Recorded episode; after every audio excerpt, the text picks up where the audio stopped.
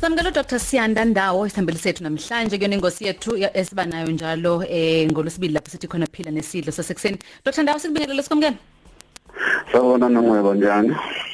Siyaphila ninjani? Ah siphilile nto. Eh ngi- ngizolipatanisa leli gama. Lithi Yes. ukuthi libe lukhulunyana lona. Very cocial. Yeah, yeah, 100%. All right, okay. Eh kuyisifo uma ngachaza kanjalo esithikameza kakhulu obaba, esithikameza kakhulu inzalo kubona obaba. Yebo kunjalo nto. Eh Ake sichaze. masichaza nje akusiyona into eyinkinga kakhulu, akusisona isifo siyingozi, akusisona isifo es- esibulalayo. Kodwa sinomthelela kakhulu kwesinye isikhathi emangale sekuthikamezela e- ekutholeni abantwana inzalo. Eh lento ku ku imthambo wakhe ama veins lokho sesikubone sometimes isikhathi eh, yabona ngemuva emlenzeni ubone ke engathi kuyimiqa elihlaza kusuke nje kuvuvukele imithambo le emunqa igazi leli lisuke selidinga ukuthi liyohlanzwa kabusha emaphashini. So into evamise ukukhanda leyo nto mangabe ufuna uunderstand kahle lento fanele ucabange njengoplumber. Ngoba eh le mthambo le indlela ekhandwe ngayo eh, especially kule nhlamvu engabe sokunxele ngaba left kune factory fault indlela ejoyina ngayo lomunye umthambo omkhulu. Ujoyina ngendlela ukuthi ku- kuba nefault ukuthi kube igazi lingakwazi ukuthi lihambe libuyele emuva kube nento ekuthiwa backflow lokho libuyele emuva. Kwesinye isikhathi lokho futhi kuba inkinga isuke ngaphakathi emthanjeni uqobo lo imthambo lo ngaphakathi inento ekuthiwa ama valve ngazi ngathi ine valve ngesizulu. Eh lawo umsebenzi walowo ma valve ukuthi avimbe ukuthi igazi li- lihambe ngomgudu owodwa lingabuyeli emuva. So mase libuyele emuva eh bese kwenzeka kube ngathi kuyidamu eh lapha eh enhlanzini yababa. And then leyo nto lena ke le dala inkinga ngoba umsebenzi weinhlamvu lapha kuyimboni le khiqiza onoshopshop la besadingayo kuze sikhanda abantwana. So indlela ekhandwe ngayo leyo nto fanele kuhlele uchaya umoya lapha. Kusho ukuthi kufana nemboni lapho uye kubeke khona ukuthi ufuna ukuthi izinga lokushisa libe njani fanele umoya ophumayo ungenayo kube njani. So mangabe kunayo lidamu elikhanda leli gazi elingabuyeli emuva ngendlela lemigudu elifanele ngayo ileyo nto ke idala ukuthi bese kuthikamezeka ke ukukhandeka konoshopshop bese ubaba ayithola eba nenkinga ekutholeni abantwana Mm.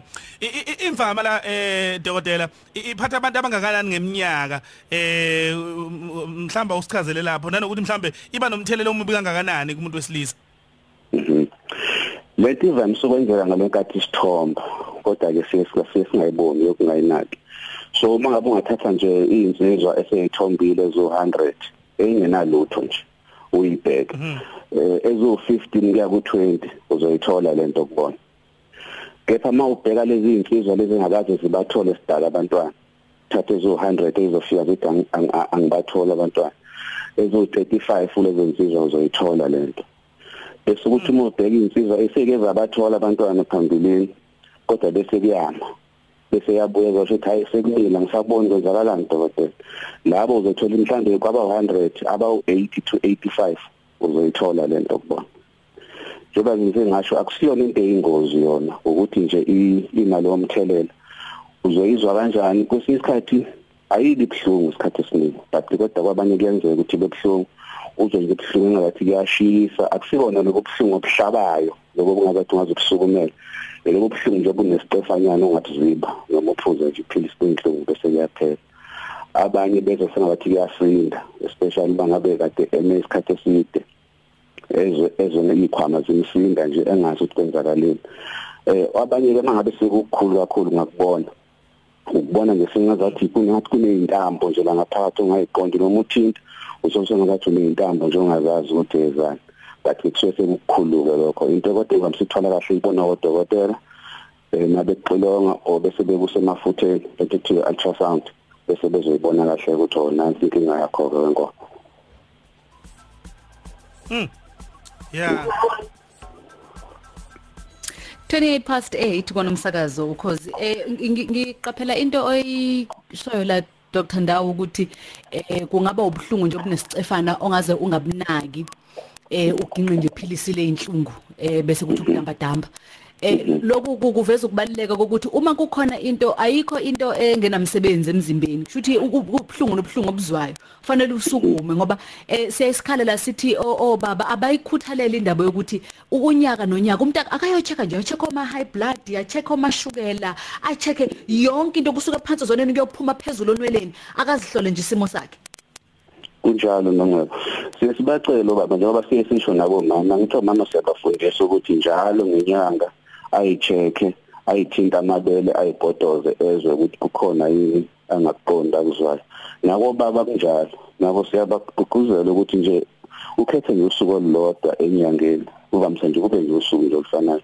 Uzama ukuthi uthinte indumbuluzi lezi nje kahle uzwe ukuthi kukhona yini into ongayazi ongayijwayele ozothi ayi angiqondile lokhu manje. Bese ke uza kudokotela wakho ukuthi ucela ukuthi hayi angiboni kahle la acheck ngoba isikhathi esiningi zalezi zinto siyasibone ngoba baseku late. Ngoba obaba hayi abakusukumela abathandi ukuzwa izinto bayasaba. Mhlawumbe usaba ukuthi uzovela umthetho usezoshona osawuthi zemthetho unesifo esikhulu. Kanti isikhathi esiningi lezi zinto uma uyithola kusese kahle kusese early siyakwazi ukuthi senze okuthile ngaso.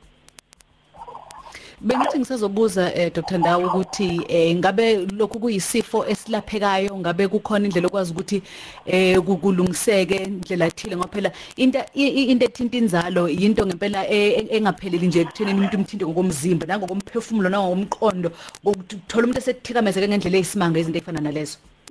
Eh yebo iyalungiseka ngqo eh zikhona indlela eyininganyana khona labo dokotela kuthiwa ama urologist o doctor babantu besilisa bayakwazi ukuthi bakuhlinze bawakhiphe bayikhiphe le mthambo le eblockile bese kusala kokwakheke emisha lezo kwazi ukuthi igazi lihambe kahle bese kushaya umoya. Into elaphekayo. Ngesikhathi esiningi mangabe sewenziwe leyo nto abanye bayawubona umehluko noma usuyibheka imbewu yakhe uyayibona iyaqala iphile ibona ukuthi hayi sekuhamba kahle ke manje lento bese mhlambe ugcina sekutholakala nengane la ifuna ngayo Okay. Eh kuyazwakala kuyazwakala dokotela sibonga kakhulu futhi ngesikhathi sakho. Engicabanga ukuthi ngempela ke abasilisa abazwile namhlanje ngoba abanye uthola ukuthi abathola abantwana abayithola ingane kodwa iminwe igcina ikhomba ngabantu besifazane. Kanti inkinga kuyena eh owesilisa. Siyacela basukumeke bayobheka bakwethu. Dazela siyabonga kakhulu mfowethu sifisela usuku oluhle. Ngibonga baba.